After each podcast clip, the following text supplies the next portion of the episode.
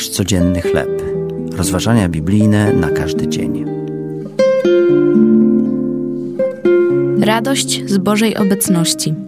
Tekst autorstwa Denisa Fischera na podstawie Psalmu 145 od pierwszego do 18 wersetu. Głównym celem człowieka jest oddawanie chwały Bogu i cieszenie się nim na wieki, mówi katechizm Westminsteru. Wiele fragmentów Pisma Świętego wzywa do radosnej wdzięczności i adoracji żywego Boga. Gdy składamy mu cześć, uwielbiamy go jako źródło, z którego płynie wszelkie dobro. Gdy wywyższamy Boga w naszym sercu, odkrywamy w sobie radosny stan, do którego zostaliśmy stworzeni.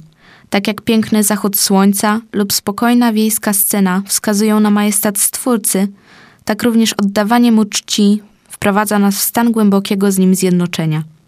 Psalmista mówi: Wielki jest Pan i godzien wielkiej chwały. Bliski jest Pan wszystkim, którzy go wzywają.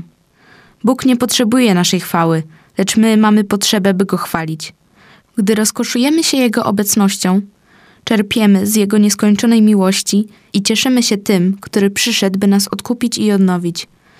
Obfitość radości w obliczu Twoim, rozkosz po prawicy Twojej na wieki, mówi psalmista. To były rozważania biblijne na każdy dzień. Nasz codzienny chleb.